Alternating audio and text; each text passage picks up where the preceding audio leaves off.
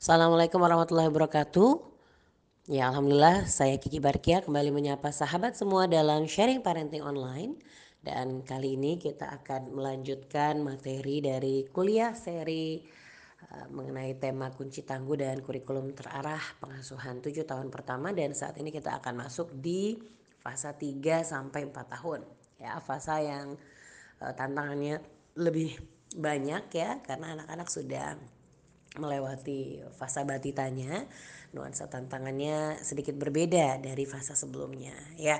Kembali saya ingin uh, mengingatkan kembali dari apa yang sudah saya sampaikan di materi-materi sebelumnya bahwa kunci tangguh ya adalah mengenali medan juang yaitu mengenali apa yang terjadi di fase tersebut termasuk mengenali uh, potensi ya kompetensi yang bisa kita stimulus yang bisa kita raih yang bisa kita targetkan yang secara umum terjadi pada anak-anak di usia tersebut kemudian biasanya plus minusnya akan menimbulkan tantangan ya. Maka kita harus mengenali kemungkinan tantangan sehingga kita bisa lebih bersiap siaga dalam menghadapinya. Dan tentu untuk bisa tangguh kita perlu menginstall ya beberapa prinsip tertentu di dalam hati dan pikiran kita sehingga itu menjadi kunci ketangguhan kita. Dan meski kita sabar meski kita ridho meski kita e, memperbanyak syukur tetap saja kita tetap perlu ya mencari ilmu supaya langkah-langkah yang kita lakukan lebih efektif lebih efisien lebih strategis Oke, sekarang mari kita pelajari apa yang terjadi di fase 3 sampai 4 tahun. Jadi pada pertumbuhan fisik di usia 3 sampai 4 tahun ini penampilannya semakin matang. Anak-anak secara fisiologis katanya memiliki lebih banyak otot dan kehilangan lemak bayi. Kemudian rahangnya melebar karena mereka akan eh, siap-siap uh, ya uh, mengalami perubahan lah ya mungkin di dalam uh, struktur giginya. Mereka bersiap-siap memiliki gigi permanen. Dan biasanya di usia ini di beberapa negara yang memang concern ya terhadap kesehatan gigi mereka sudah mulai memiliki jadwal pemeriksaan gigi secara rutin. Kemudian kapasitas untuk mengamati secara detail ini menguat sehingga hal-hal yang pada saat usia sebelumnya tidak menarik perhatiannya ini akan uh, menarik gitu ya karena mereka sudah bisa memperhatikan secara detail. Kemudian ketika makan bersama anak 3 sampai 4 tahun ini menunjukkan respon uh, apa bahwa dia bisa ya menjadi bagian dari peserta pada saat waktu makan. Beda dengan usia sebelumnya yang mungkin cenderung lebih asik ya dengan dunianya sendiri. E, pada usia ini juga dapat menikmati saat mandi dan ada beberapa anak yang menunjukkan nggak suka gitu ya saat rambutnya itu dicuci. Kalau dulu mungkin terlihat pasrah ya tapi di usia-usia ini mungkin sudah lebih pintar untuk menolaknya makin mahir juga dalam melakukan beberapa skill karena pertumbuhan fisik ini sehingga anak butuh sedikit bantuan saat berpakaian. Jadi sudah mulai memberikan porsi-porsi tertentu ya untuk menjadi bagian dirinya. Dan eh, mungkin di usia ini ada anak-anak yang sudah tidak pengen tidur siang lagi. Meskipun ada beberapa anak yang memang masih membutuhkannya atau beberapa orang tua yang masih berhasil untuk membuat rutinitas tersebut. Tapi memang ada tipe-tipe anak yang uh, tidak tidak tidak butuh dan memang dia bisa gitu ya dicukupi dengan jam tidur hanya tidur malam. Kemudian uh, pola pikir dan pemahamannya juga semakin berkembang. Kita sudah bisa lebih mengajak mereka memahami konsep waktu, berbicara tentang kemarin, tentang hari esok. Eh, anak saya kemarin bertanya tentang lusa. Lalu kemudian saya berusaha menerangkan, ya mungkin masih sayup-sayup, masih masih bingung gitu ya. tapi untuk besok dan kemarin sudah mulai ngerti tapi untuk lusa mungkin masih butuh waktu untuk semakin paham anak saya usianya tiga setengah ya kemudian e, memahami prinsip sama dan berbeda. Ini kalau dibawa ke benda nyata atau bahkan ke buku sudah mulai bisa membaca perbandingan perbedaan. Menghadapi permasalahannya masih dari satu sudut pandang. Bahkan kadang lebih menguat ya karena semakin paham dengan keadaan. Terus dapat sering mengalami kesulitan dan membedakan antara fantasi dan kenyataan jadi kalau anak saya usia segini tuh seringnya ini bohong-bohongan gitu ya maksudnya dia cuma pengen make sure bahwa ini ceritanya cuma pura-pura aja belum memiliki pemahaman menyeluruh terhadap konsekuensi sebuah peraturan. Jadi pada beberapa kasus kita nggak nggak bisa terlalu efektif gitu ya untuk uh, memberikan konsekuensi sama anak usia seperti ini. Kemudian sudah mulai tambah kaya imajinasinya yang bisa membuat mereka itu uh, jadi takut ya. Seperti misalnya takut monster, takut gelap, atau mungkin takut setan gitu ya. Kemudian eh, kepribadian dan perilaku ini sudah tambah besar ya. Sudah mulai bisa berpisah dari orang tua dengan mudah sudah bisa ditinggal lah untuk beberapa saat. Walaupun memang beberapa tipe tertentu yang cukup lengket masih sangat wajar kalau memang e, belum mudah untuk terpisah apalagi memang belum terbiasa atau belum dibiasakan atau keadaannya tidak memaksa untuk ya, sering ditinggal sehingga pas sekali insidental terjadi mungkin masih masih rewel masih lebay bahkan masih meronta-ronta. Di usia ini rasa empati ini sudah mulai tumbuh gitu ya nah ini memungkinkan mereka tuh terlibat dalam permainan bersama meskipun masih sangat terbatas. Jadi pada beberapa permainan mereka bisa dilibatkan tetapi mungkin belum paham tentang menang kalah gitu ya. Bahkan beberapa anak mungkin belum terlalu bisa untuk dilibatkan bergantian meskipun bisa dicoba dan memang perlu dikenalkan kemudian uh, imajinasi yang jelas menghasilkan permainan fantasi yang kaya jadi ini udah mulai asik ya udah mulai seru kalau bikin role playing itu udah mulai nyambung bahkan mereka meminta kita terlibat di dalam hayalannya dia di usia ini juga dapat menunjukkan pengidolaan terhadap kakak dan persaingan dengan adik. Ini mulai sibling rivalry-nya lebih lebih kencang biasanya karena udah mulai makin ngerti, makin punya selera juga.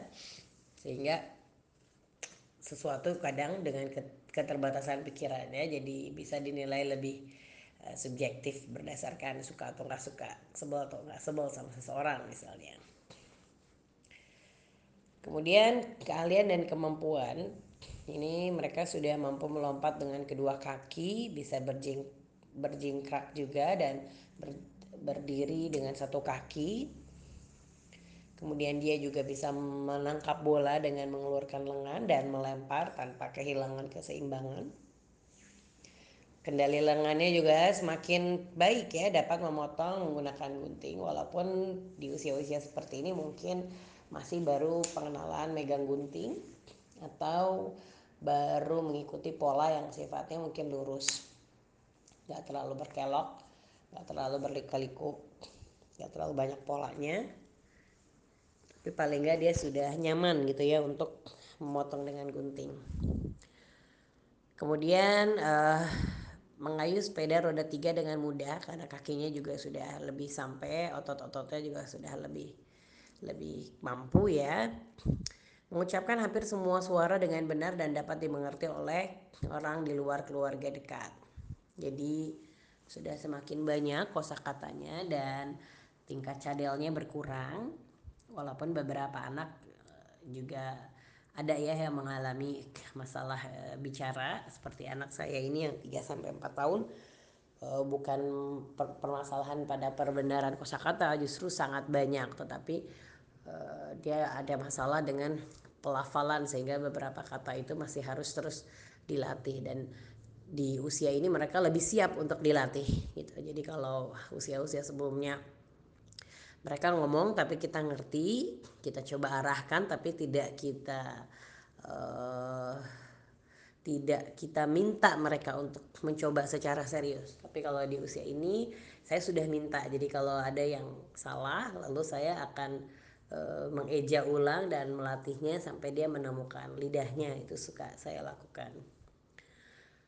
Kemudian menguasai toilet training ya sudah ya pup pipi sudah bicara dengan baik lah.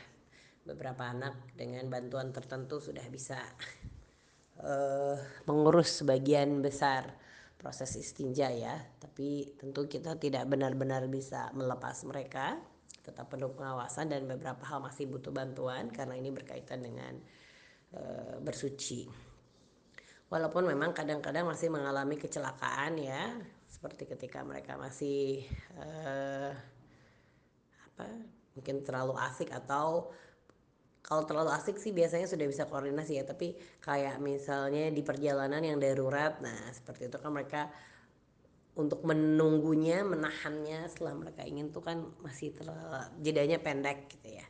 Dan memang kadang-kadang mengalami kecelakaan atau mengompol di tempat tidur pada waktu malam ini masih masih sangat mungkin terjadi dan masih wajar. Uh, kemudian masuk ke tantangan yang mungkin terjadi ya Nah, karena mereka ini masih menghadapi permasalahan dari satu sudut pandang, maka tentu ya masih perlu banyak latihan untuk bersikap lebih tepat. Jadi sekali lagi ekspektasi kita harus disesuaikan, ya. Bukan anaknya yang nggak soli, bukan anaknya yang egois, bukan anaknya yang nggak mau memahami situasi, bukan anaknya yang ingin menang sendiri, tapi memang karena pola pikir dia terbatas sehingga dia hanya berpikir dari satu sudut pandang. Dan karena memang sudah mulai uh, asik ya berfantasi sangat mungkin terjadi mereka berbohong karena fantasi mereka bukan karena min benar-benar pengen melakukan itu enggak. Kemudian uh, mereka masih perlu pembiasaan mengikuti aturan jadi secara general mereka sudah bisa lah mulai mengerti tapi masih butuh pembiasaan. Dan karena pemahaman akan konsekuensinya kurang sempurna maka wajar kalau di masa-masa ini eh, ada anak-anak tuh masih berproses banget lah untuk bisa nurut ngikutin. Kemudian mudah ketakutan ya karena sesuatu yang muncul dari fantasi mereka. Dan tentu di usia ini masih perlu banyak latihan untuk berbagi nah karena tadi mereka itu bisa sangat mengidolakan atau bahkan sangat uh, sebel sama salah satu saudara misalnya sehingga bersaing apa-apa jadi terlihat salah apa-apa jadi terlihat berantem maka kemungkinan kecemburuan antar saudara dan perselisihan antar saudara ini sangat rentan terjadi ya. Kemudian di usia ini juga secara keinginan mereka makin kompleks ya. E, bahkan tidak hal-hal yang sifatnya sederhana terlihat di Eh, lingkungan secara nyata tapi bisa dikolerasikan dengan informasi yang mereka dapat baik itu dari uh, apa film atau uh, buku atau pengalaman yang pernah mereka lakukan sehingga mereka teringat dan meminta itu kepada kita dibanding dengan fase sebelumnya yang mungkin keinginannya masih belum terlalu kompleks lah ya masih hal-hal yang sifatnya mungkin kebutuhan dasar atau hal-hal yang secara uh, kasat mata terlihat di sekitar mereka sehingga mereka terfikir untuk ingin sesuatu. Tapi di usia 34 kadang-kadang kita lebih uh, lebih pusing gitu ya apalagi kalau mereka melihat sesuatu itu nunjauh di sana karena lihat buku atau lihat uh, film nah mereka mulai ingin gitu ya. Ingin ingin ingin memiliki. Kemudian uh, karena keterbatasan verbalnya maka uh, mereka masih perlu banyak latihan untuk mengungkapkan keinginan mereka dengan cara yang baik ya. Di sini juga fase-fasenya biasanya tantrumnya lebih rumit ya. Termasuk juga sudah mulai tidak terlalu mudah diarahkan sebagaimana fase sebelumnya. Kemudian anak seusia ini juga dapat sangat tertarik dengan multimedia ya tetapi tidak mampu mencerna aturan. Jadi memang kadang mungkin tangisan karena gadget yang kita batasi itu lebih sering terjadi dibanding anak-anak yang sudah besar yang sudah bisa bikin perjanjian sebelumnya. Sementara anak-anak seperti ini biasanya masih belum terlalu bisa komit ya terhadap perjanjian walaupun tetap kita bisa mencoba. Beberapa anak yang uh, ya yang pintar bisa menangkap biasanya bisa ya sudah mulai kita bikin perjanjian sebelum mereka minta sehingga pada saat kita minta gadget ini mereka lebih bisa bekerja sama untuk memberikan kembali. Oke, dengan beberapa tantangan yang tadi saya sampaikan, maka tentu ya ada kuncinya supaya kita tetap tangguh ya. Di sini sudah mulai banyak sekali uh, ujian yang berkaitan dengan anak, tapi sebenarnya setiap ujian yang Allah berikan itu kan memberikan kesempatan kepada kita untuk meningkatkan kualitas diri ya. Jadi sering sekali kita mulai wow dengan anak-anak kita di usia ini karena semakin kenal siapa mereka dan seperti apa karakter khasnya yang mungkin semakin sadar ya bahwa mereka itu berbeda dengan eh, anak-anak kita yang lain. Kalau dulu kan waktu unyu-unyu waktu kecil mungkin nggak terlalu kelihatan uh, sama saja kurang lebih nuansa bayinya tapi di usia ini sudah mulai sangat terlihat.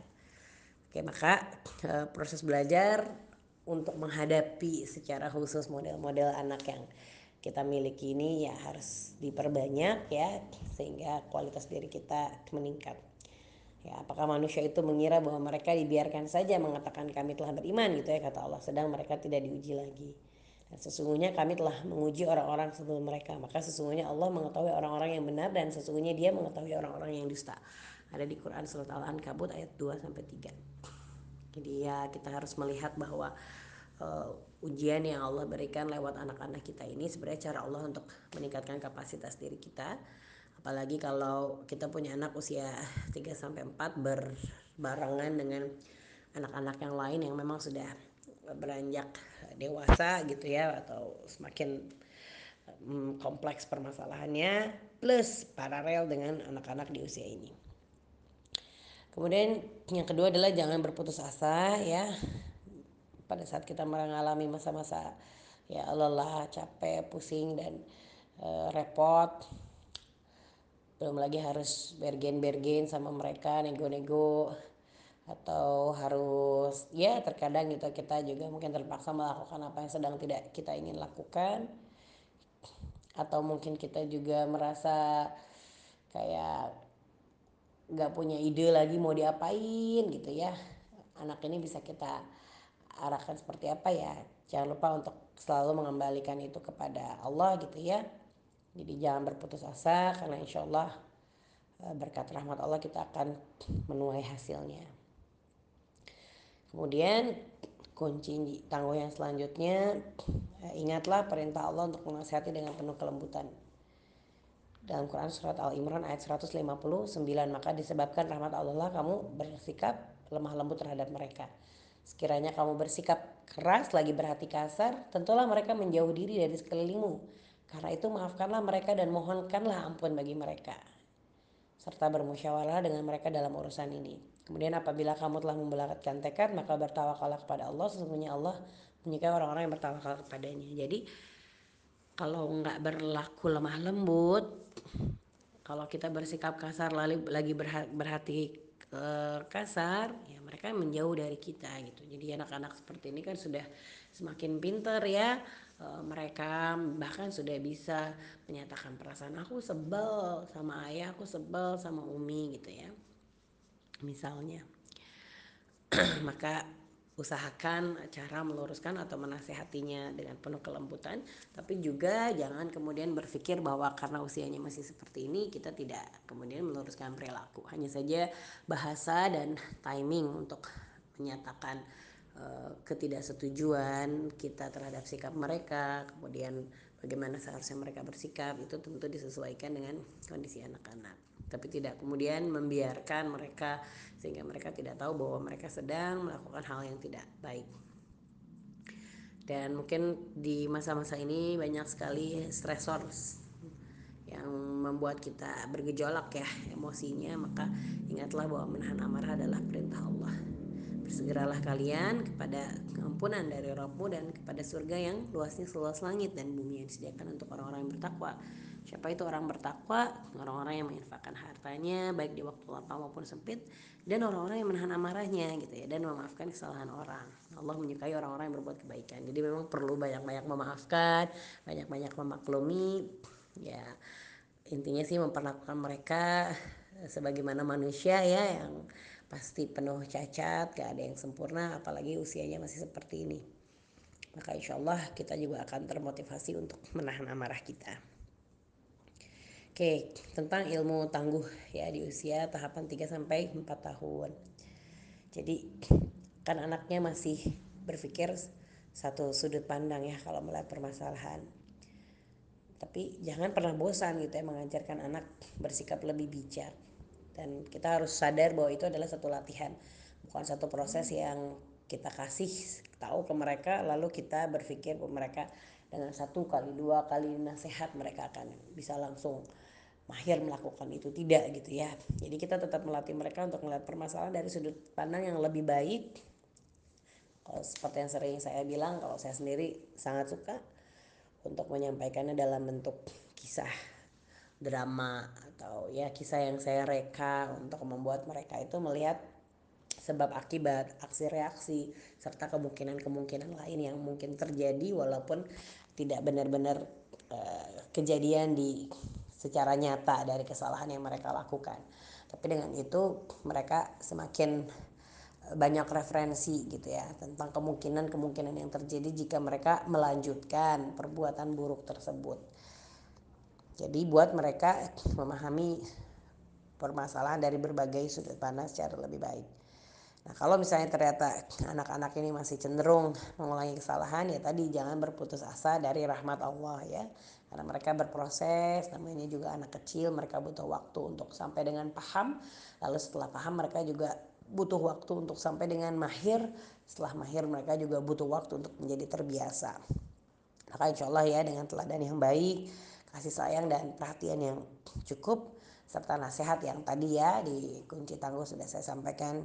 Nasihat yang disampaikan dengan cara yang baik dan tentu disampaikan di waktu yang tepat insya Allah pasti akan membuahkan hasil. Jadi kadang perlu bukan cuma sekedar nasihat itu disampaikan dengan cara yang baik, tapi juga perlu mencari waktu yang tepat. Karena ada beberapa kondisi anak misalnya ketika sedang kejadiannya benar-benar baru hangat terjadi itu mereka dalam keadaan denial untuk menerima informasi apalagi nasihat apalagi membuat mereka sadar bahwa mereka dalam tanda kutip disalahkan.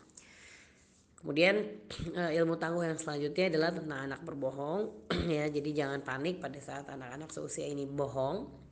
Karena kita tadi masih melihat bahwa bisa jadi dicampur ya dengan imajinasi. Uh, jadi jangan sampai langsung memahar, memarahi apalagi mematahkan imajinasinya. Jadi ajak mereka diskusi di waktu yang lebih tenang, rileks, kita tanya sebenarnya kejadian yang sebenarnya seperti apa. Nah, ajak mereka memilah gitu ya, mana yang kira-kira imajinasi, mana yang kira-kira asli. Nah, kalau ternyata campuran imajinasi dan kenyataan ini ternyata merugikan pihak lain, maka baru kita bisa memberikan pengertian gitu ya. Uh, supaya mereka ya cuma ber, berkata berbicara yang memang sesuai dengan kejadian yang sesungguhnya sehingga tidak ada orang lain yang bingung atau uh, jadi dirugikan gitu ya gara-gara kita salah bertindak. Nah terus kemudian tapi ya memang uh, perlu wajar juga ya ketika anak seusia ini dengan keterbatasan pikirannya mereka misalnya menyampaikan data atau menceritakan ulang kejadian sehingga kalau itu berkaitan dengan anak-anak yang lebih besar maka kita perlu me, ya mencari informasi uh, penyeimbang lah ya. Bahwa bisa jadi yang dia pikirkan atau yang dia rasakan itu berbeda yang secara objektif terjadi sesungguhnya. Tapi tidak juga kemudian disalahkan bahwa Eh, data atau informasinya itu menyudutkan untuk menyalahkan orang lain enggak. Tapi lebih karena paham karena memang anak ini terbatas sehingga melihat permasalahan itu dari satu sudut pandang. Walaupun mungkin kakaknya tidak sengaja kakaknya tidak bermaksud begitu tapi anak usia ini nggak mengerti misalnya. Oke kemudian eh, tentang aturan ya. Jadi memang uh, tadi belum terlalu mengerti tentang konsekuensi tapi bukan berarti kita nggak melatihnya ya. Jadi ingatkan terus mereka terhadap aturan dan kita berusaha untuk menegakkan dengan konsisten walaupun tidak sampai berekspektasi mereka komit untuk melaksanakan itu gitu ya. Jadi masih butuh waktu lah. Nanti kita bisa lebih serius di usia 7 tahun ke atas. Tapi paling tidak kita sudah kenalkan dengan aturan dan konsekuensi itu. Jadi jangan bosan jangan juga terlalu menyalahkan. Kalau mereka belum mandiri melaksanakan aturan atau memang masih harus terus sering diingatkan gitu ya e, karena anak di usia ini juga masih terus harus berlatih harus memahami harus mengingat gitu ya. Harus melaksanakan aturan maka usahakan juga kita bisa sederhana nggak usah terlalu banyak hal-hal yang memang tidak secara eksplisit ada di Al-Quran ada di hadis. Mungkin bisa kita permudah selama itu tidak dosa ya. Atau bisa spontanitas diingatkan. Misalnya sebagai syarat baiklah kalau mau ini kita ini dulu yuk misalnya ya mereka karena belum bisa memahami konsep waktu secara whole kira-kira apa saja yang perlu menjadi tugas di dalam hari tersebut. Maka kita yang mengendalikan mereka agar ya bisa jadi habits lah kira-kira keseharian aktivitas keluarga kita itu seperti apa ya. Tapi kita juga perlu ya mengingatkan memotivasi terus supaya mereka terbiasa melaksanakan aturan. Walaupun kadang-kadang kita perlu uh, apa pakai ya metode layang-layang itu ya pas dia lagi belum mau ya kita coba uh, selami dulu keinginannya baru kemudian kita tarik lagi mereka untuk bisa melaksanakan kebiasaan harian yang memang kita ingin coba terapkan di dalam rumah tangga kita. Nah, jangan berputus asa kalau mereka belum mengerti ya, jangan juga kemudian melebali mereka dengan label yang negatif karena memang berkomitmen terhadap aturan ini suatu proses ya. Kita bisa memperbanyak motivasi dengan memberikan reward kalau aturan itu dilaksanakan dibanding memberikan hukuman jika aturan tidak dilaksanakan. Jadi saya pribadi lebih prefer terutama di usia-usia ini justru uh, hukumannya tidak ada tapi tapi ada reward kalau dia melaksanakan itu gitu ya uh, ya walaupun secara konsekuensi ketika dia tidak melaksanakan maka dia juga akan kehilangan privilege atau kesukaan mereka. Kemudian kalau mereka tadi ya dengan daya imajinasinya mudah sekali takut maka jangan sampai kita yang justru menakuti anak-anak. Apalagi memberikan informasi bohong untuk sekedar shortcut jadi eh, jalan pintas agar anak melakukan sesuatu yang kita mau agar anak mengubah no mereka jadi yes karena kita pengen mereka berbicara yes atau sebaliknya ingin mengubah mereka menjadi berkata tidak atau tidak mau sesuatu sehingga kita kemudian berbohong dengan cara uh, shortcut kita menakut-nakuti mereka. Apalagi kalau merugikan orang lain misalnya menakut-nakuti dengan sosok ayah menakut-nakuti dengan sosok polisi gitu ya. Tapi eh, apa namanya kalau ibu mau memberikan yang sifatnya fakta dalam artian anak eh, belajar awareness terhadap kemungkinan-kemungkinan buruk bisa saja ya.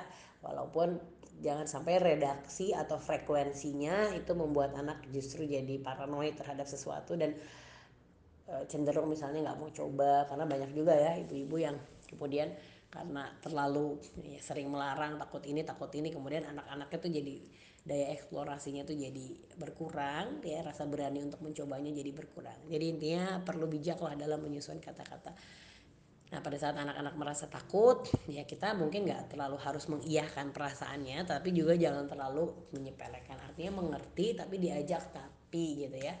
Di, kita akuin dulu tapi jangan kemudian iya ya takut gitu ya. Sehingga e, bisa jadi itu jadi konsep gitu ya ke ke depannya. Jadi ibu ngerti kamu takut tapi diajak gitu ya. Dalam kisah yang lain bahwa itu tidak tidak seharusnya bukan sesuatu yang betul-betul harus kita takuti misalnya ya jadi kita coba memberikan pengertian lah dari sudut pandang yang benar dan jangan lupa jadikan momen rasa takut mereka itu sebagai cara mereka untuk meminta perlindungan kepada Allah Baik, itu ya. Demikian yang tadi saya sampaikan tentang materi untuk ketangguhannya. Nah, sekarang bagian bagaimana dengan kurikulum terarahnya. Ya. Yang pertama tentu ya uh, adalah tugas kita sebagai guru utama dan pertama bagi anak-anak ini memberikan pendidikan agama dan moral dan itu bukan sesuatu yang harus kita mulai ketika mereka sudah besar ya. Jadi di usia 3 sampai 4 tahun ini anak-anak tuh sudah mulai memahami lah ya tentang sesuatu yang sifatnya berlawanan yang berkaitan dengan perilaku seperti misalnya pemahaman berperilaku baik, buruk, benar, salah, sopan, tidak sopan walaupun sebenarnya belum terlalu uh, konsisten dalam melakukannya tapi sudah sudah bisa lah sudah bisa menilai artinya ketika ada orang yang melakukan hal yang buruk mereka juga sudah bisa punya perasaan bahwa mereka tuh tidak nyaman, tidak suka, tidak boleh seharusnya seperti itu misalnya. Apalagi kalau kita sering ya secara aktif untuk mengenalkan nilai-nilai. Nah, eh, mereka juga sudah mulai mengerti kasih sayang gitu ya kepada ciptaan Tuhan, walaupun eh, kita juga tetap perlu membiasakan ini sedari kecil, jadi misalnya kepada hewan walaupun mereka belum mengerti pada saat mereka usia batita sebelumnya ini ya tetap saja kita tetap meluruskan. Tapi di usia ini mereka sudah mulai paham ya rasa kasih sayang. Bahkan sudah mulai tambah pintar lah mengekspresikan kasih sayangnya termasuk kepada adik gitu ya kepada ayah ibu dibanding usia-usia sebelumnya. Nah, di usia ini juga memang anak-anak eh, sudah mulai meniru, dapat meniru kegiatan beribadah itu lebih baik lagi karena tadi eh, di awal kita bilang bahwa kemampuan untuk memahami secara detailnya itu kan lebih baik. Jadi kalau di fase sebelumnya mereka baru sekedar ikut-ikutan berada dalam suasana itu di fase ini malah sudah mulai bisa menirukan hal-hal yang sifatnya detail bahkan beberapa anak ya sudah mau gitu ya mengikuti gerakan sholat nah, dari awal sampai akhir ya.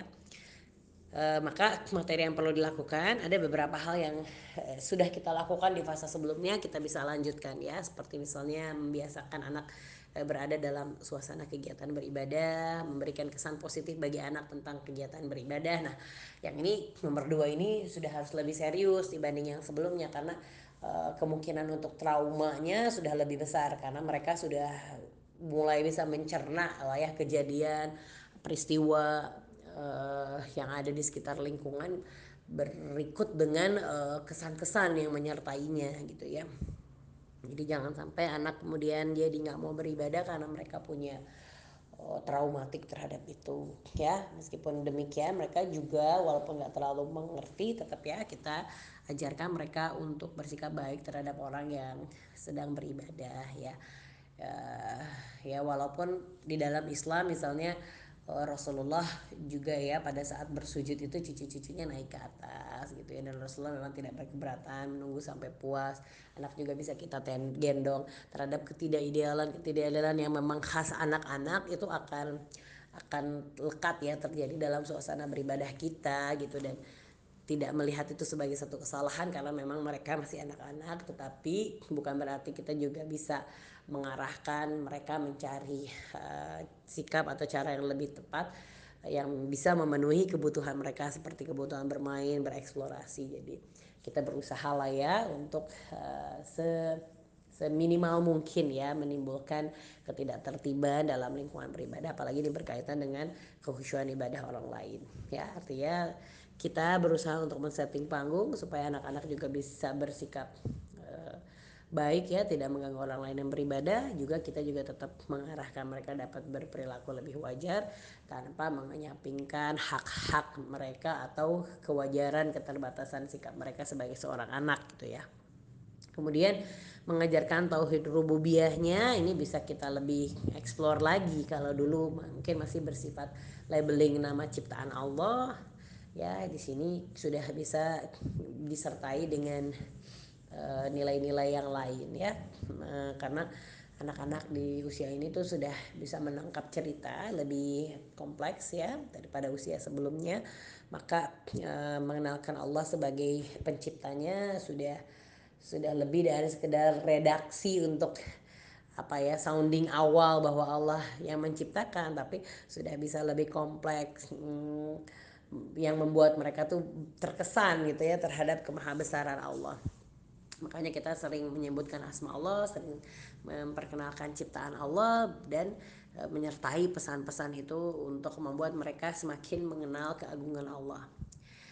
Nah, kemudian uh, memperkenalkan berbagai kebaikan, perilaku baik dan kebiasaan baik secara langsung ya dalam kehidupan sehari-hari karena mereka tuh sudah mulai uh, mengikuti sesuatu itu lebih dari sekedar hanya meniru ya. Menirunya masih iya, tapi sudah disertai dengan kesan dan sudah mulai uh, bisalah menangkap nilai-nilai norma norma-norma di balik dan sudah mulai sedikit bisa mencerna juga kalau ada hal-hal yang buruk di sekitar mereka yang uh, tidak patut untuk mereka uh, lakukan karena fitrah mereka juga suci. Jadi sudah mulai bisa mengekspresikan penolakan kalau itu dirasa ya tidak sesuai dengan fitrah mereka apalagi kalau kita uh, sebagai keluarga sangat aktif ya untuk men, menyampaikan nilai dan norma baik itu dalam keseharian dialog atau dari referensi-referensi yang sama-sama kita baca, kita dengar, kita lihat gitu ya. Maka nah, di sini kita sudah bisa menggunakan beberapa tools media edukasi untuk memperkenalkan kebaikan, perilaku buruk dan kebiasaan baik seperti misalnya uh, lewat buku ya, lewat mainan, lewat permainan pura-pura atau lewat kisah-kisah yang kita sampaikan ya.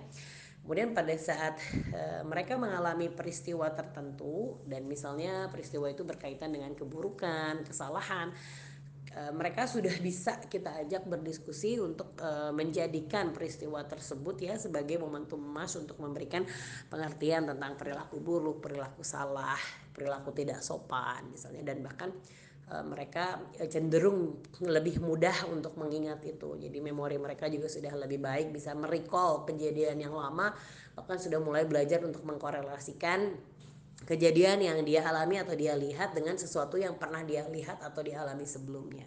Baik itu misalnya lewat cerita, film atau memang peristiwa yang betul-betul memang mereka uh, rasakan secara langsung ya.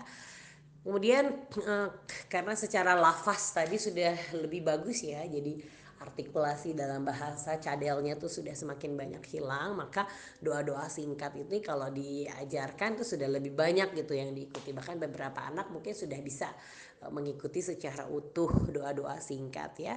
Bisa kita uh, awalnya mungkin cuma akhiran kalau mereka masih kecil banget lama kelamaan bisa semakin hafal. Awalnya hafal tidak hanya akhiran tapi masih cadel. Nah di usia ini sudah bisa terlatih dengan makro huruf yang lebih baik ya. Nah karena copycat mereka memang semakin kuat yang disertai dengan kesan nilai norma yang bisa mereka tangkap maka tentu memberikan keteladanan dalam bersikapnya perlu lebih dikencangkan bahkan lebih berhati-hati berwaspada terhadap keburukan atau kebiasaan buruk yang memang kita uh, miliki. Karena mereka akan lebih mudah untuk copycatnya ya. Uh, kemudian uh, karena memori mereka makin kuat juga untuk menerima informasi terus secara lisan mereka semakin uh, artikulasinya semakin baik. Maka di usia ini kalau mau memperdengarkan surat pendek secara berulang tuh sudah bisa jadi uh, apa materi tahfiz ya yang lebih ter, ter terarah lah dibanding sebelumnya. Kalau sebelumnya mungkin hanya memasukkan ke dalam alam bawah sadar tapi di usia-usia ini kita sudah bisa mengundang mereka kalau mereka mau terlibat ya. Meskipun tentu tidak ada paksaan tidak ada konsekuensi. Tapi biasanya anak-anak sudah mulai menunjukkan ketertarikan untuk uh, berinteraksi lah ya dengan surat-surat Al-Qur'an. Apalagi jika mereka melihat bahwa lingkungan sekitarnya memang pada menghafal Al-Qur'an. Kemudian di sini juga kita sudah bisa mengajak anak terlibat dalam kegiatan beribadah meski tetap digaris bawahi tanpa paksaan ya. Kita juga bisa semakin uh, apa namanya menumbuhkan rasa empati mereka, kasih sayang mereka terhadap makhluk Allah dan kita sudah bisa lebih serius untuk mengajarkan sikap kasih sayang mereka terhadap makhluk Allah baik itu hewan, tumbuhan, manusia ya disertai pengertian-pengertian yang bisa lebih kompleks dibanding sekedar mencontohkan jadi kalau waktu kecil sebelumnya mungkin cuma kita melihatin sayang sayang ke hewan tapi pada usia ini kita bisa berkomunikasi lebih banyak dengan memberikan tambahan pengertian Kemudian karena daya tangkap mereka terhadap literasi semakin baik, kita juga sudah bisa memperkenalkan uh, kisah Nabi ya lewat buku cerita yang singkat. Sekarang sudah semakin banyak. Kalau dulu masih terbatas untuk yang balita. Sekarang sudah semakin banyak ya yang eh, bahasa-bahasa dan kesingkatan uh, informasinya itu memang disesuaikan dengan kemampuan daya tangkap balita. Ya jadi kita sudah bisa memperkenalkan kisah Nabi melalui buku cerita singkat atau kalau tidak menemukan kita bisa menceritakan kembali dengan bahasa yang sederhana dengan bantuan ilustrasi buku-buku kakaknya yang mungkin lebih kompleks ya kemudian uh, di usia ini mereka karena sudah mulai uh, pintar menangkap cerita maka kita juga sudah bisa memperkenalkan kisah Nabi melalui film kartun.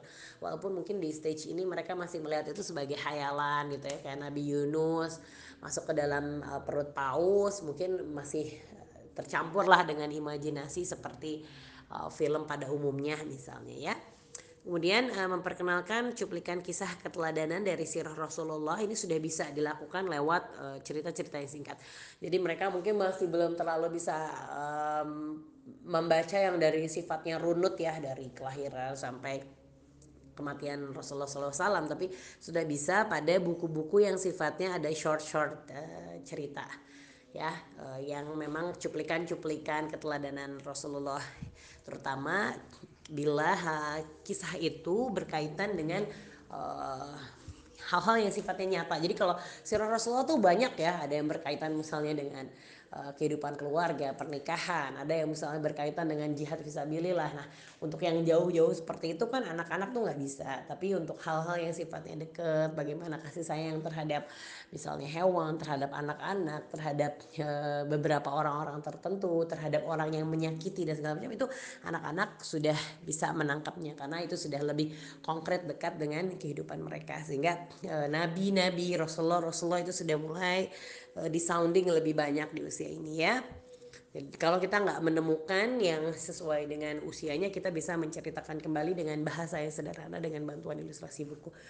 Jadi seperti itu ya. Kemudian yang selanjutnya adalah melatih perkembangan sosial dan emosi. Nah, karena memang di usia ini rasa empati itu tadi sudah mulai tumbuh ya, maka memungkinkan mereka itu punya apa?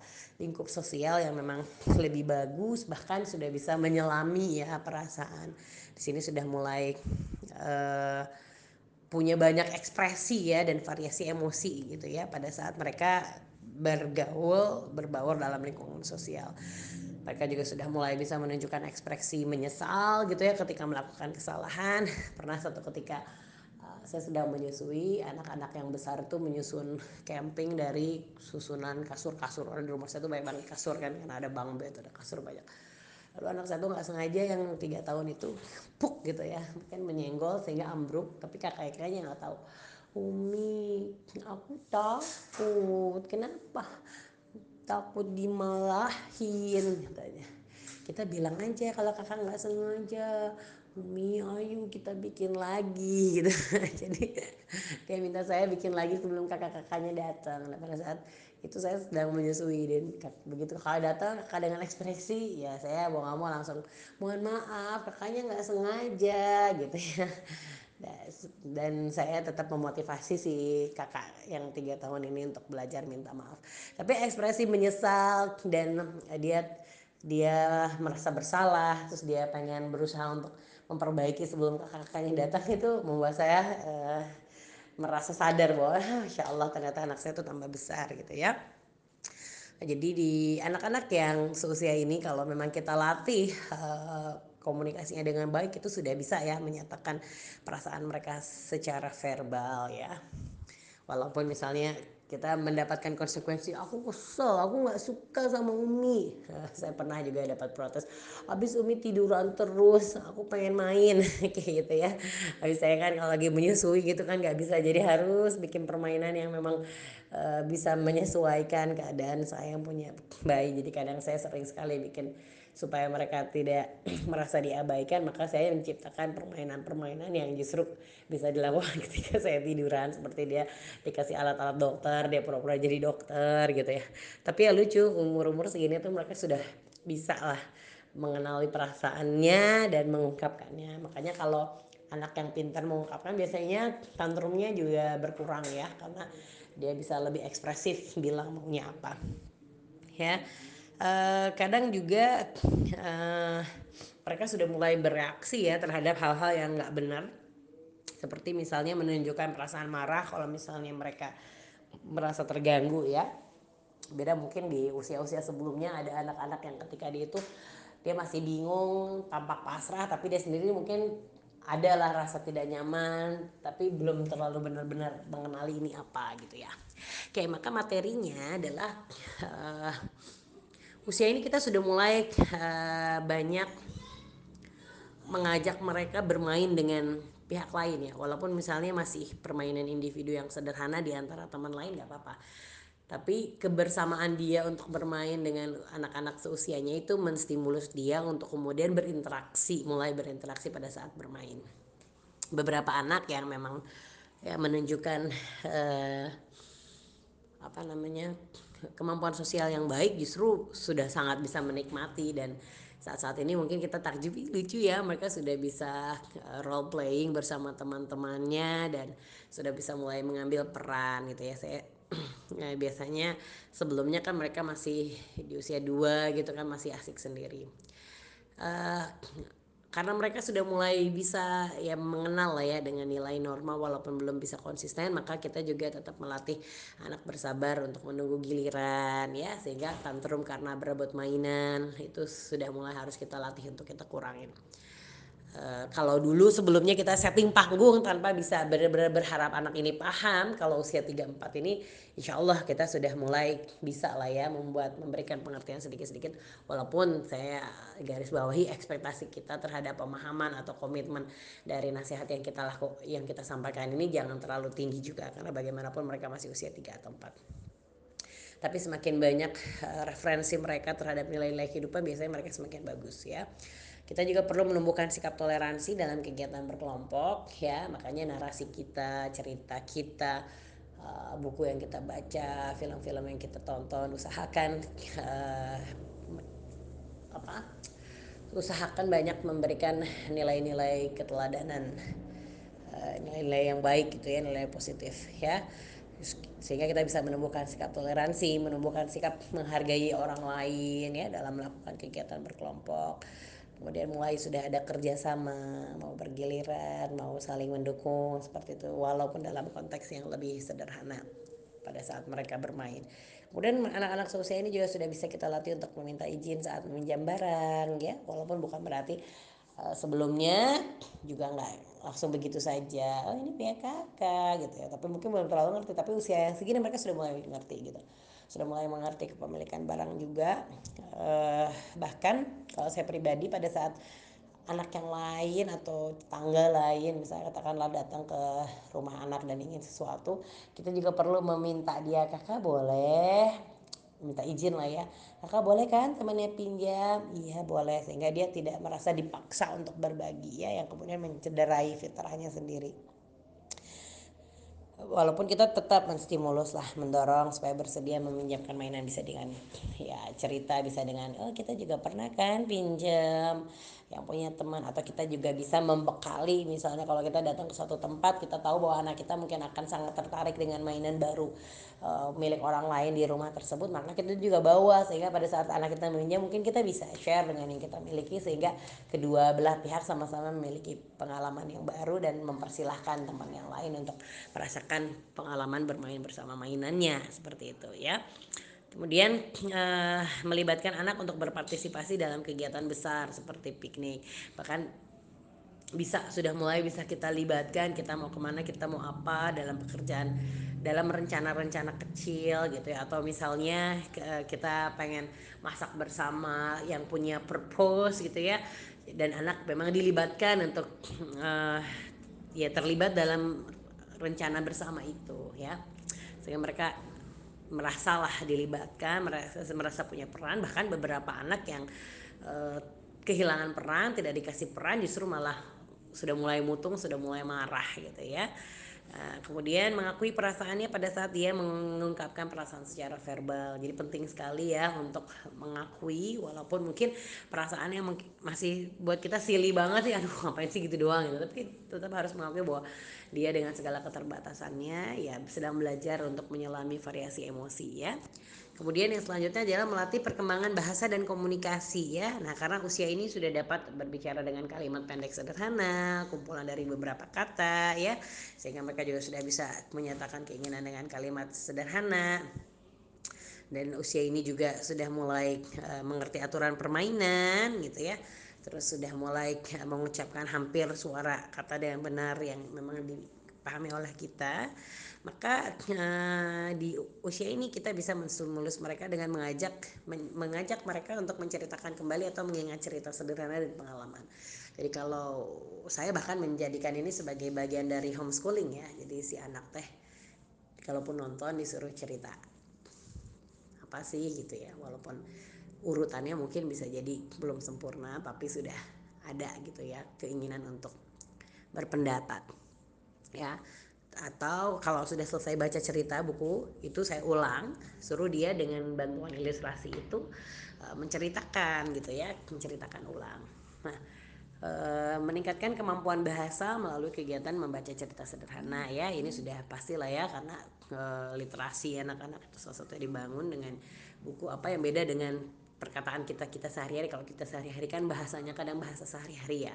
Sementara anak-anak tuh harus belajar tentang uh, ke kekayaan khasanah bahasa Indonesia dengan bahasa yang baku benar bahkan anak-anak yang banyak baca buku atau banyak menonton video dengan narasi pengantar bahasa baku itu struktur kalimatnya kadang-kadang dalam keseharian pun jadi sangat baku gitu. Anak saya misalnya baiklah gitu ya kalau bahasa sehari-hari dia baiklah gitu. Ini untukmu gitu. Kira-kira dia bahasanya ya dari referensinya seperti itu gitu ya. Jadi kadang nampak ya pengen senyum gitu karena nggak nggak biasa terdengar dalam bahasa sehari-hari uh, kemudian yang selanjutnya adalah hmm, meminta anak menceritakan isi buku dengan kata-kata sendiri. Oke tadi udah ya. Kemudian melatih perkembangan bahasa dan pemecahan masalah dengan memberikan dua perintah yang diberikan bersamaan. Jadi uh, sejalan dengan perkembangan bahasa ini kita sudah bisa mulai mengarahkan mereka dengan instruksi ya dengan dengan instruksi. Kalau dulu sebelumnya saya mengarahkan mereka itu dengan kita ngasih contoh mereka walaupun kita iringi dengan instruksi mereka sebenarnya lebih banyak mencerna pada e, apa yang kita perbuat bukan apa yang kita katakan. Tapi di sini bisa sudah mulai kita diam kemudian kita mengarahkan dan mereka membayangkan apa yang kita arahkan untuk mereka coba untuk melakukan gitu ya. Dan sudah mulai bisa dilatih dengan memberikan dua perintah yang diberikan bersamaan. Misalnya kak ambil mainan di atas meja lalu kasih ke adik. Nah itu sudah sudah dua kalimat perintah ya. Mereka sudah mulai bisa mencernanya nah jadi makanya eh, udah mulai melatih kemandirian salah satunya dengan sering seperti ini. Coba kak kakak sendiri. Jadi kitanya ada kitanya dukung kitanya arahkan. Kita kasih tahu bagaimana melakukan tapi memberikan mereka pengalaman sebanyak-banyaknya untuk melakukan sendiri ya Kemudian karena tadi uh, usia ini juga banyak banget imajinasinya, kita justru bisa ya menjadikan itu sebagai pelajaran. Kita menceritakan imajinasi miliknya bahkan anak-anak tuh sudah mulai karena secara motorik halusnya juga semakin baik ya beberapa anak tuh bahkan sudah bisa mengekspresikan apa yang ada di imajinasinya melalui gambar itu sudah bisa presentasi jadi kalau saya misalnya homeschoolingnya Nafisa nih yang 3 sampai 4 tahun karena dia senang banget uh, oret-oret ya walaupun gambarnya gambar ala anak-anak tapi udah bukan nggak udah bukan cakar ayam lagi memang sudah sudah mulai membentuk ya. Tapi itu beda-beda ya karena Eh, nggak uh, semua anak punya bakat lah ya untuk menggambar. Tapi saya melihat uh, anak-anak ini bertahap dan sudah mulai membentuk ya kemudian yang lebih utama adalah bagaimana mereka menceritakan imajinasi ya. Kalau gambarnya sebenarnya nggak terlalu penting tapi ketika gambar itu bukan oretan cakar ayam lagi saya sudah semakin mengapresiasi ya karena artinya dia sudah berusaha untuk mengejawantahkan apa yang ada di dalam pikirannya. Tapi yang paling penting adalah tadi eh, mereka mampu menceritakan imajinasi itu ya. Kemudian eh, melibatkan diri dalam fantasi yang diungkapkan anak kepada kita. Jadi sering banget saya itu masuk dulu ke dunianya ikutan. Bahkan ketika kita pengen melarang sesuatu atau mengarahkan sesuatu dan kita nggak bisa pakai kalimat biasa itu kita melebur dalam dunianya. Kita berpura-pura menjadi sesuatu. Kita sefrekuensi dengan mereka. Atau kalau mereka lagi menginikan imajinasi fantasi yang menurut kita nggak mungkin justru kita masuk gitu ya dalam ya, tokoh-tokoh itu. Sehingga dari situ kita bisa menanamkan sesuatu pengertian yang itu sebenarnya bukan imajinasi tapi nilai-nilai memang ada di dalam dunia real ya. Baik yang selanjutnya adalah melatih kemandirian tanggung jawab dan pemecahan masalah ya. Jadi untuk usia ini karena mereka sudah mulai bagus ya pengenalan lingkungannya terus juga sudah tambah mahir lah melakukan sesuatu maka semakin banyak kita libatkan agar mereka punya banyak pengalaman untuk melakukan semuanya sendiri walaupun tidak seluruhnya sendiri. Ya kita bisa melatih anak untuk memasang atau mencopot sepatu sendiri. Ini insya Allah sudah tak sudah bisa kita mulai ya. Begitu juga dengan kancing baju sendiri. Kita coba kita latih. Meskipun kita bisa mulai dari kancing baju yang sifatnya besar dengan lubang yang besar. Paling tidak dia sudah punya pengalaman lah untuk merasakan ini. Kemudian memberikan berbagai permainan problem solving sederhana seperti puzzle. Dimulai dari puzzle yang potongannya lebih uh, besar ya. Bisa juga mengawalinya dengan mengambil beberapa bagian sehingga dia paham bahwa ini adalah bagian kecil dari seluruh picture besar ini. Baru kemudian mengajak mereka untuk menyusun dari awal untuk tingkat kesulitan yang bertahap. Kalau nggak punya modal bisa dengan cara sederhana seperti punya gambar lalu kemudian kita gunting lalu ajak anak untuk menempel sesuai dengan gambar. Atau beberapa buku juga memang sudah menyajikan buku uh, menggunting dan menempel puzzle itu juga ada walaupun untuk usia seperti ini mungkin baru tiga bagian terus mereka dirangsang untuk bisa menggunting dengan pola lurus lalu kemudian mereka tempel sesuai dengan urutannya. Kemudian memberikan bantuan dalam urusan memberikan sedikit bantuan saja dalam urusan berpakaian. Jadi sudah ada beberapa yang bisa kita libatkan ajak mereka untuk duduk pakai celananya sendiri atau berikan kaos-kaos atau baju-baju yang memang mudah ya untuk mereka pakai dan lepas sendiri Kemudian sudah mulai melibatkan mereka dalam membersihkan badan saat mandi, mungkin beberapa bagian tertentu yang masih sulit bisa kita bantu. Kemudian memberikan pemerintah sederhana, melibatkan anak untuk memenuhi keperluannya sendiri, ya, ambil air sendiri, bikin sesuatu yang lebih terjangkau. Jangan lupa tetap pakai yang child lock supaya nggak air panas.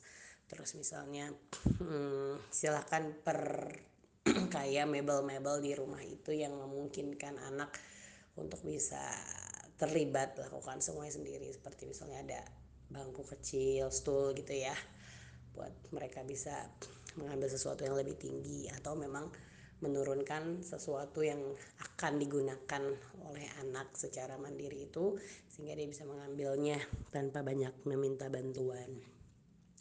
Kemudian sudah mulai bisa tuh melibatkan anak membereskan kembali mainannya tapi juga jangan berekspektasi mereka harus selalu melakukan itu. Jadi sesekali mogok ya jangan kemudian dipaksa kitanya yang mungkin terlibat duduk bersama sehingga mereka merasa didukung dan tidak ditinggalkan. Dan sudah bisa ya semakin uh, meminta kerjasama mereka untuk terlibat menjaga kebersihan lingkungan bahkan sudah bisa diberikan tugas-tugas sederhana seperti mengelap, buang sampah, bahkan sudah bisa menikmati permainan role playing dengan memberikan mainan miniatur alat-alat kebersihan sehingga pada saat kita e, menyapu atau mengepel dia bisa role playing sambil juga membantu kita. Kemudian mengajarkan konsep sederhana dan kemampuan kognitif ya materi selanjutnya ini sudah tambah pinter menghitung menghitung dalam artian tidak simbolik ya. Jadi kalau kemarin itu baru kita yang menyebutkan sehingga anak merasa bahwa oh ada ada bilangan atau ada jumlah tertentu ini banyak ini sedikit. Mungkin cuma samar-samar. Nah kalau sekarang sudah semakin bisa memahami lah ya antara eh, kata-kata dengan jumlah yang memang kita sentuh. Jadi ada kolerasinya mereka sudah mulai tambah paham. Bahkan sudah kalau anaknya memang semangat sudah bisa tuh biasanya minta terlibat belajar dengan di atas kertas seperti anak-anak TK tapi ya tentunya jangan sampai dominan ya. Jadi karena permainan kognitif ini kalau di usia-usia seperti ini nggak boleh jadi dominan. Yang lebih diutamakan justru permainan yang sifatnya imajinatif seperti role playing itu diperbanyak.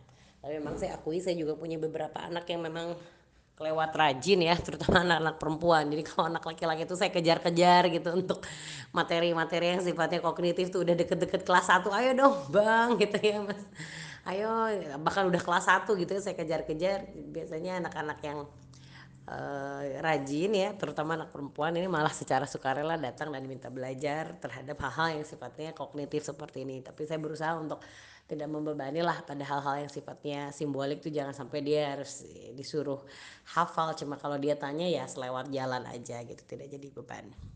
Ya, jadi kita bisa mengajak anak berhitung 1 sampai 4 benda yang sama. Bahkan beberapa anak sudah tambah mahir kalau kita kenalin sampai 10 pun dia bisa mengikuti ya.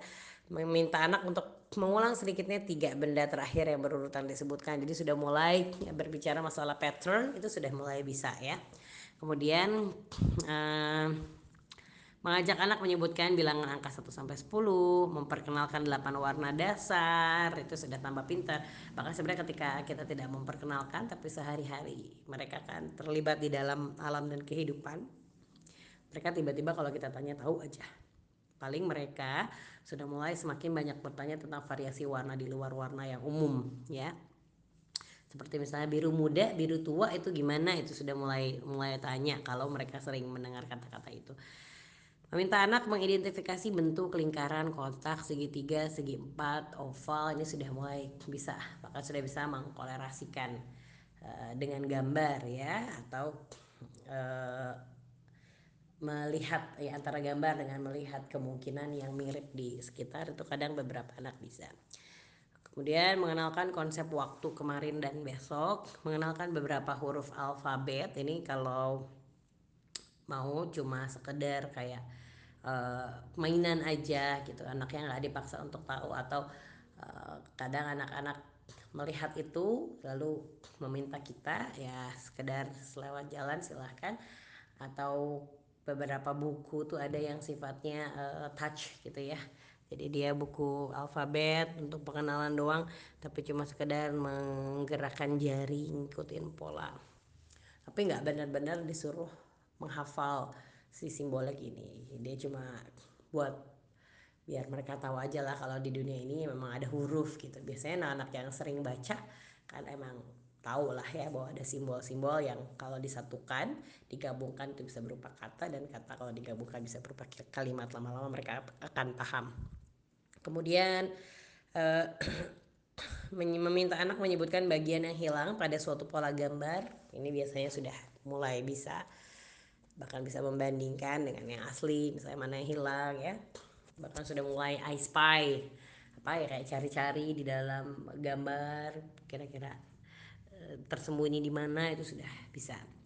E, meminta anak menyebutkan bagian yang hil eh sorry menyebutkan berbagai nama makanan dan rasa. Ini sudah mulai bisa ya pengenalan rasa. Dan itu juga bisa dalam bentuk alam dan kehidupan saja pada saat kita makan. Sehingga pada saat kita membawa itu dalam buku yang sifatnya lebih terkesan belajar mereka juga sudah sudah paham ya. Meminta anak menyebutkan berbagai macam kegunaan benda meminta anak menyebutkan persamaan antara dua benda ini sudah mulai bisa ya membandingkan gitu atau melihat perbedaan dari dua gambar sudah bisa untuk hal-hal yang sifatnya lebih sederhana. Kemudian e, memfasilitasi anak untuk bereksperimen dengan bahan yang disediakan itu sudah tambah pinter ya bahkan sudah mulai e, bermain dengan arahan untuk fungsi-fungsi tertentu itu sudah sudah tambah pinter biasanya mendorong anak untuk mengerjakan tugas sampai selesai nah tentunya juga kita harus mengukur e, apa kadar bo, uh, atau bobot ya bobot tugasnya sehingga jangan sampai rumit tapi akhirnya tidak selesai atau rumit akhirnya banyak membutuhkan pertolongan untuk selesai. Kemudian uh, bertanya kepada anak tentang kemungkinan kejadian yang akan terjadi selanjutnya. Jadi tadi imajinasi dan perkembangan bahasanya itu bisa kita uh, kolaborasikan dengan kemampuan kognitif ya supaya mereka semakin bisa kenal sebab akibat atau aksi reaksi dan salah satunya dengan cara uh, meminta pandangannya ya tentang kemungkinan-kemungkinan yang akan terjadi. Kemudian meminta anak menempatkan benda dalam urutan ukuran juga sudah mulai bisa ya mana yang lebih besar, mana yang lebih kecil, mana yang lebih banyak, mana yang lebih sedikit itu sudah mulai kenal ya. Uh, kalau kita bermain pengelompokan anak-anak juga sudah mulai bisa menyebutkan alasan kenapa suatu benda itu masuk ke dalam satu kelompok tertentu gitu ya. Atau suatu benda tidak masuk ke dalam kelompok tertentu. Seperti misalnya oh ini sama-sama warna merah oh ini sama-sama buah-buahan ini bukan misalnya. Kemudian meminta anak menjelaskan model karya yang dibuatnya ya. Jadi sudah sudah bisa presentasi ringan seperti yang saya sampaikan tadi di bab perkembangan bahasa menyebutkan anak meminta anak menyebutkan peran dan tugas dari berbagai pekerjaan. Jadi kalau diajakin ke tematik pekerjaan lewat kisah lewat film ini sudah mulai memahami dan lewat role playing juga ya bisa kita sambil mengenalkan. Kemudian mendorong anak untuk membuat gambar atau konstruksi yang lebih rinci. Itu tadi saya sempat bahas sebelumnya. Jadi kalau tadinya cakar ayam ini sudah mulai ada sedikit variasi di luar itu. Dan melibatkan anak dalam aktivitas bersama teman yang sifatnya uh, terencana ya. Seperti bermain berkelompok dengan memainkan uh, peran tertentu seperti yang direncanakan ini sudah mulai gitu. Dengan uh, konteks yang mungkin lebih sederhana ya. Uh, jadi hal-hal yang sifatnya ada di dalam tanda kutip pelajaran TK yang lebih kognitif sebenarnya bisa kita sampaikan di anak-anak usia 3 tahun itu tapi dalam bentuk yang lebih lebih membaur lah dalam alam dan kehidupan gitu ya. Uh, walaupun tadi ada beberapa anak yang karena lingkungan dia menunjukkan keinginannya untuk belajar dengan cara kognitif. Nah kalau bisa silahkan gitu ya kita dukung kalau memang anaknya pengen tapi bebannya nggak usah terlalu banyak tapi justru diperbanyak dengan pola pembelajaran yang sama dengan standar kompetensi yang sama tetapi lebih langsung pada experience dalam alam dan kehidupan atau permainan eh, yang apa namanya mendorong imajinasi ya seperti permainan pura-pura. Kemudian masalah melatih motorik kasar ya.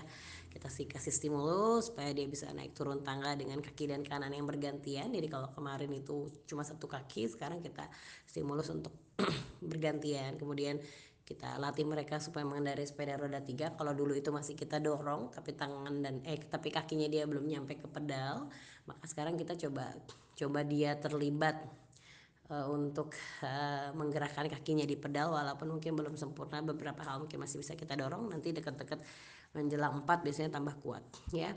Kemudian melompat satu kaki dengan teknik yang lebih sempurna terus bermain lompat kaki berlari sambil membawa sesuatu yang ringan seperti bola berjalan meniti di atas papan yang cukup lebar jadi sudah latihan keseimbangan ya. Ini sudah bisa kita ajak.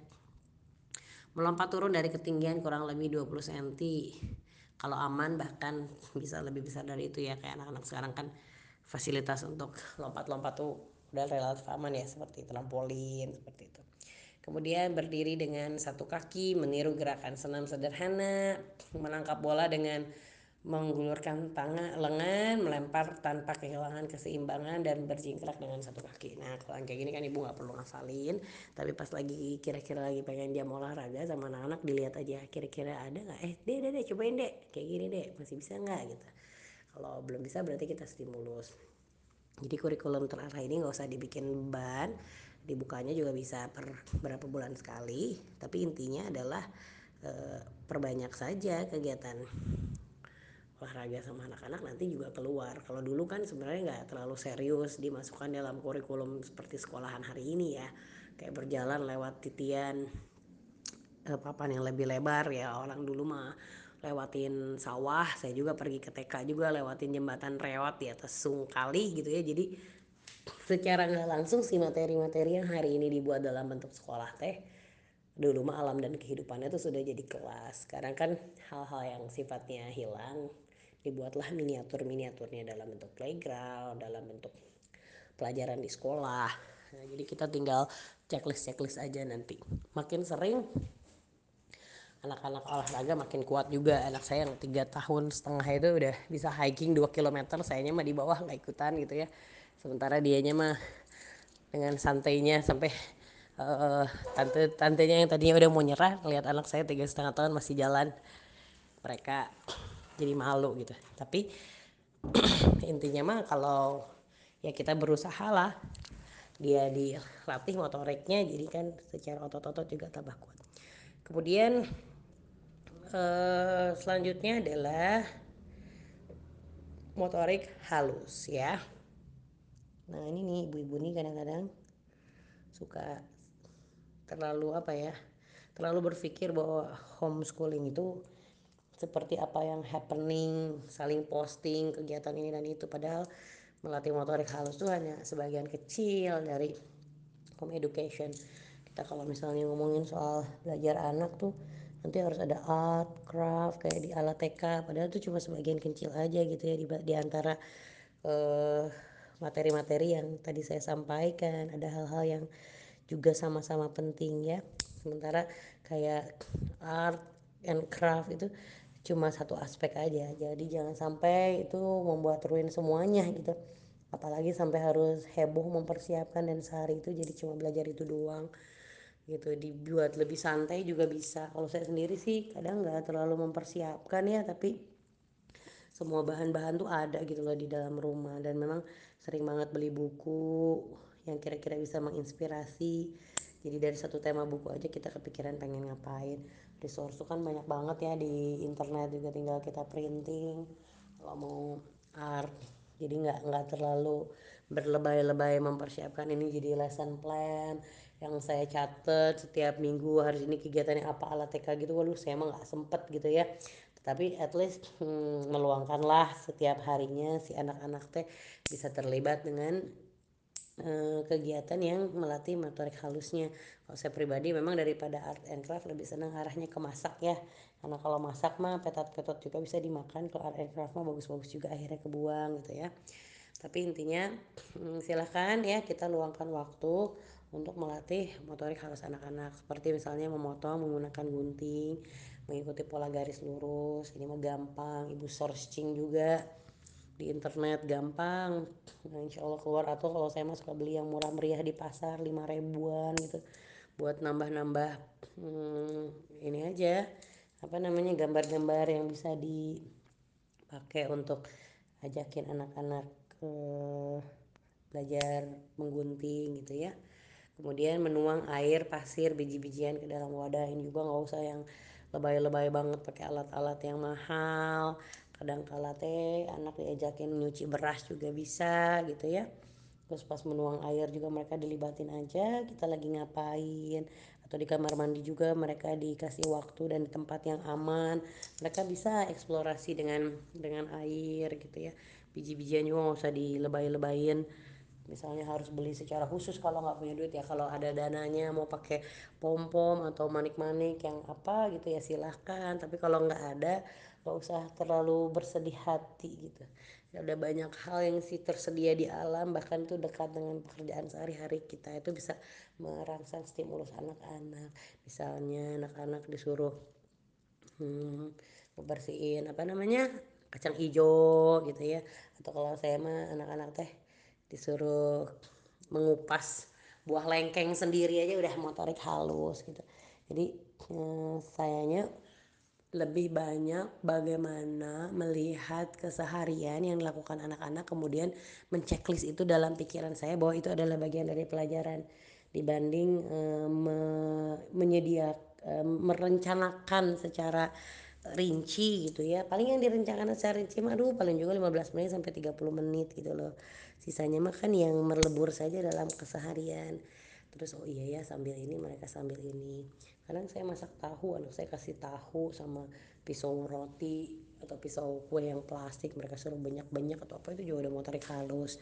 Cuma tetap kalau berkaitan dengan makanan kan kita berusaha untuk menjaga adab ya. Kalau di luar negeri mah dulu diajarin teh Oh, motorik halus di betap tuh dikasih oat coba bayangin kasih oat dikasih karena mereka harus yang edible yang kalau dimakan anak-anak teh nggak akan racun tapi udah duitnya juga berapa gitu ngeluarinnya nah kalau saya mah ya kita mah sebagai seorang muslim ya nggak bisa secara sembarangan aja gitu menggunakan bahan makanan tuh untuk eksplorasi walaupun punya duit banyak. Anak-anak juga kan harus belajar untuk menghormati kalau itu teh makanan gitu. Jadi kalau mau eksplorasi sama makanan ya memang bener gitu diajakin masak yang memang jangan sampai banyak terbuang. Ya walaupun ada yang terbuang tuh sifatnya sedikit lah jangan terlalu banyak ya kalaupun misalnya gimana ya saya pengen bikin play-doh oke lah. Kalau play-doh kita niatin bahan alam itu untuk benar-benar sebagai resource belajar maka mudah-mudahan Allah juga melihat itu tidak sebagai uh, sesuatu yang sifatnya mubazir tapi lebih pada bahan untuk uh, apa belajar. Tapi kan jumlahnya juga relatif terkontrol lah ya.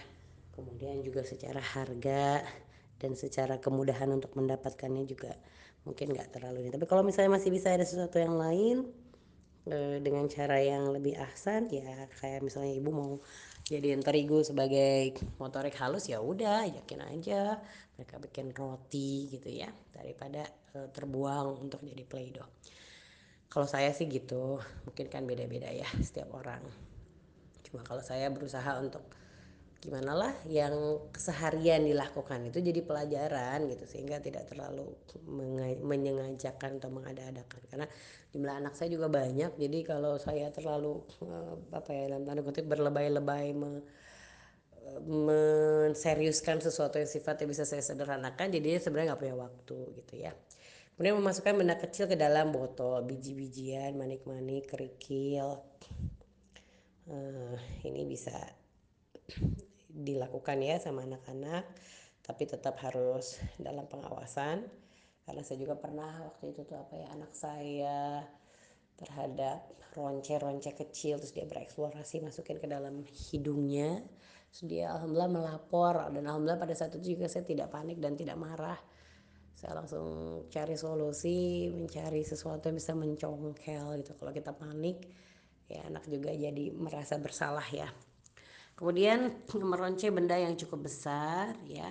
Jadi kalau kita misalnya sempat ngelihat uh, pakai fruit fruity loop tau nggak? Yang sereal yang bolong-bolong itu dijadiin kalung. Dulu pernah banget waktu di US tuh anak-anak aircraft waduh kalau kita konversiin sama duit mah itu jadi berapa gitu ya jadi kalau mau seperti itu ya carilah yang sifatnya lebih murah meriah wajar dan kalau tidak ter, kalau terbuang pun nggak jadi mubazir gitu ya. Kemudian mengerjakan art and craft sederhana seperti menempel bahan dan membuat hiasan. Ini e, banyak ya resource-nya tinggal googling aja. Jadi nggak usah apa kayak misalnya mohon maaf ya kalau misalnya di persekolahan tuh anak-anak tuh kan eh, dalam tanda kutip diarahkan ya untuk melakukan standar kompetensi ini dengan cara ini. Nah, ibu bisa lihat nanti beberapa anak emang nggak nggak cocok dan memang belum saatnya. Mereka teh terlalu mengikuti aturan. Sehingga yang lebih enak adalah kemerdekaan untuk belajar. Yang penting si standar kompetensinya itu tercapai tapi mengenai bentuknya itu bisa disesuaikan dengan kegemaran atau kesukaan anak-anak. Makanya kalau kita lihat di anak-anak TK suka menolak melakukan kegiatan tertentu atau kalaupun dia melakukan karena terpaksa ngeliat teman-temannya padahal kalau ditarik ke kegiatan di rumah ya kita cuma tinggal pegang standar kompetensinya aja. Sementara bentuknya seperti apa bisa bertanya dan menyesuaikan selera anak-anak. Karena sebenarnya di usia ini kan kita sifatnya fasilitator. Jadi kalau misalnya mengerjakan anak art and craft dengan kompetensinya anak bisa menempel bahan atau membuat hiasan ya kita sebenarnya lebih feel free gitu loh memilih bentuknya seperti apa ya. Dan itu ide-ide mah banyak banget lah di Pinterest juga. Kemudian melatih kontrol diri ya. Pada usia ini kan memang masih perlu banyak latihan untuk uh, bijak uh, menghadapi permasalahan ya. Terus bisa melihat lebih dari satu sisi kan butuh latihan. Jadi kadang anak-anak jadi nggak kontrol gara-gara pandangan mereka yang terbatas itu. Nah otomatis menimbulkan konflik ya. Uh, apalagi kalau sudah karena kondisi mereka yang lebih mudah untuk mengidolakan atau bersaing dengan salah satu saudara ini jadi lebih banyak kan perkelahian gara-gara berebut mainan berebut perhatian gitu. Makanya kita memberikan materi ya dengan terus istiqomah mengajarkan anak untuk bersikap lebih bijak dan melatih mereka untuk melihat permasalahan dari sudut pandang yang lebih baik gitu ya. Jadi eh, tentu jangan berputus asa ya ketika anak-anak masih cenderung mengulangi kesalahan ya insya Allah gitu dengan teladan yang baik sekali lagi kasih sayang kita perhatian yang cukup nasihat yang disampaikan dengan cara baik dan waktu yang tepat insya Allah nanti akan membuahkan hasil ya. Kemudian uh, mengontrol diri soal masalah kebohongan ya tadi ya. Uh, kita menghargai dulu imajinasi anak tapi kemudian kita arahkan gitu ya bantu anak untuk memilah hmm, mana yang benar mana yang imajinasi gitu ya. Kalau misalnya mengandung kebohongan yang merugikan uh, pihak lain ya kita kasih pengertian gitu ya. Uh, kemudian uh, tentang kontrol diri terhadap aturan ya.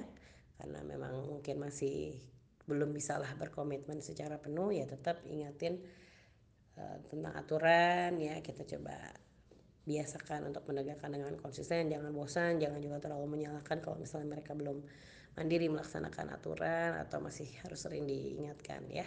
Karena memang butuh proses untuk paham untuk ingat untuk melaksanakan aturan. Uh, dan jangan sampai kita melebeli lah ya anak-anaknya dengan label yang negatif karena memang berproses lah seperti ini. Kemudian um, untuk mengontrol diri tadi sempat dibahas juga di materi sebelumnya nah, ini bisa kita kaitkan juga dengan kontrol diri yaitu dengan memperbanyak motivasi dengan pemberian reward dibanding memberikan hukuman. Jadi sebenarnya reward dan kontrol juga bagian eh reward dan uh, punishment kan sebenarnya bagian dari proses kontrol sosial juga. Nah, usia ini mungkin kita lebih banyak uh, mendahulukan reward saja dibanding pemberian hukuman. Kalau bisa malah pemberian hukuman itu tidak ada, yang ada adalah pemberian konsekuensi jika diperlukan. Kemudian kalau uh, kontrol diri dari sisi rasa takut ya tadi udah dibahas juga di bab tantangan ya. Uh, akui dulu perasaan takut mereka terus ajak mereka untuk bisa melihat dari sisi yang lebih tepat yang lebih benar dan lebih wajar. Lalu kemudian kita mengajaklah anak untuk meminta perlindungan Allah dan kita sendiri ya. Jangan sampai menjadi kontributor untuk perasaan takut itu gitu ya kita tidak menyepelekan perasaan takut itu tapi tidak juga kemudian mengakui dan membuat itu terasa wajar ya. Kemudian materi yang selanjutnya adalah melatih pola hidup sehat dan keamanan diri ya. Jadi kita latih buat membersihkan kotoran hidung dan lendir. Ini anak-anak kadang butuh waktu ya untuk bisa tahu mana dihirup, mana dibuang udara. Tapi nggak apa-apa kita latih gitu ya. Misalnya bagaimana menggunakan tisu yang baik. Mungkin kita bisa bercerita juga dengan tentang pasukan lendir Eh, kenapa misalnya ingus itu ada gitu ya itu bisa dalam bentuk cerita imajinatif termasuk mengajarkan mereka untuk membuang tisu setelah menggunakannya kemudian melatih menggosok gigi sendiri biasanya beberapa anak menunjukkan keinginannya untuk melakukan sendiri ya kemudian juga sudah mulai itu karena udah mulai pengenalan warna maka kita juga sudah bisa memberikan pemahaman arti warna lampu lalu lintas supaya mereka bisa menjaga keamanan diri ya kemudian Eh, melatih mereka untuk eh, banyak banyak banyak cuci tangan, mengelap tangan, mengelap muka gitu ya. Kemudian memberikan pemahaman kepada anak kalau berjalan tuh harus berjalan di sisi sebelah kiri, di pinggir jangan terlalu tengah gitu. Terus arah jalannya seperti apa itu sudah bisa sedikit demi sedikit kita perkenalkan. Dan termasuk memberikan pemahaman kepada anak untuk tidak menyeberang jalan apalagi berlari tanpa menengok kiri dan kanan. Nah kalau misalnya yang masih kecil kan masih kita pegangin. Kadang-kadang anak-anak yang seusia ini tuh sudah pengen main keluar sama teman-teman terus tahu-tahu terleng gitu ya ke tempat tetangga di seberang. Nah ini perlu harus memberikan pengertian untuk bisa mengontrol keamanan dirinya. Kemudian yang selanjutnya tentang materi kemampuan seni ya. Jadi kan karena tadi hmm, sudah disampaikan di usia ini kemampuan melihat detailnya kan semakin kuat ya. Jadi kalau itu berkaitan dengan pelajaran seni maka eh, kemampuan seni mereka itu lebih detail disampaikannya. Ya termasuk tadi kalau dalam bentuk gambar atau dalam bentuk mewarna itu sudah bisa lebih diarahkan untuk menarik uh, pensilnya dengan lebih pendek-pendek sehingga dia bisa mewarnai lebih rapih untuk tetap berada dalam wilayahnya. Walaupun masih keluar garis ya tapi paling tidak tidak tidak cakar ayam asal asal ngegoresin warna udah bisa dikasih arahan kira-kira di mana gitu ya. Nah jadi kita bisa mendorong anak untuk mencontoh beragam bentuk yang tergambar kayak misalnya lingkaran kotak segitiga segi empat oval. Kalau ibu belum uh, ingin menstimulusnya dengan uh, sesuatu yang sifatnya seperti belajar dengan pensil sebenarnya bisa dengan yang lebih sederhana kayak misalnya bermain dengan tangan di atas pasir atau dengan ranting di atas tanah gitu ya uh, terus kemudian sudah mulai bisa diajak juga tuh bikin karya karya seni lukis dalam berbagai media. Misalnya pakai pensil warna pakai krayon bahkan sudah bisa ya pakai kuas gitu ya. Sudah mulai bisa juga membuat karya sederhana dengan Play-Doh. Udah bisa menceritakan juga dan sudah bisa mulai mengimitasi bentuk. Biasanya anak-anak walaupun masih sederhana kita bisa mengajak anak juga mengamati dan membedakan benda-benda di sekitar.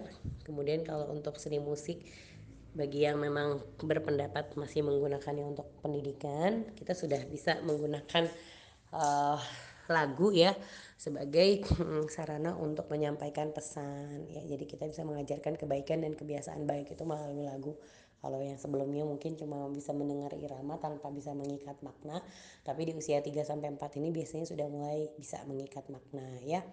Kemudian menggerakkan tubuh sesuai irama ya. Anak-anak seperti ini bisa kita ajakin untuk senam seperti itu ya sederhana.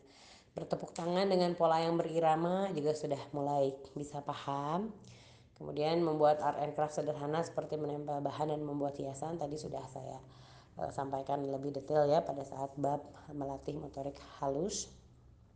Kemudian menirukan huruf alfabet dengan jari di atas pasir. Ini salah satunya yang bisa kita lakukan. Kalaupun misalnya uh, belum belum tertarik ya bisa dengan bentuk-bentuk yang lain ya.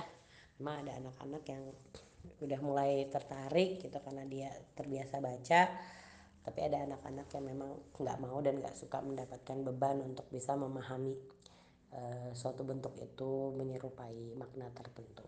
Atau bisa jadi mungkin di dalam pikirannya uh, ketika dia membayangkan huruf A itu ya sebagaimana dia melihat suatu gambar itu gajah suatu gambar itu harimau gitu. Jadi lebih pada melihat cirinya sehingga pada saat kita mengubah font bentuk font itu jadi lebih susah juga untuk mereka kenali karena memang belum sampai pada pemahaman yang lebih luas gitu ya daripada uh, copycat dalam bentuk tertentu.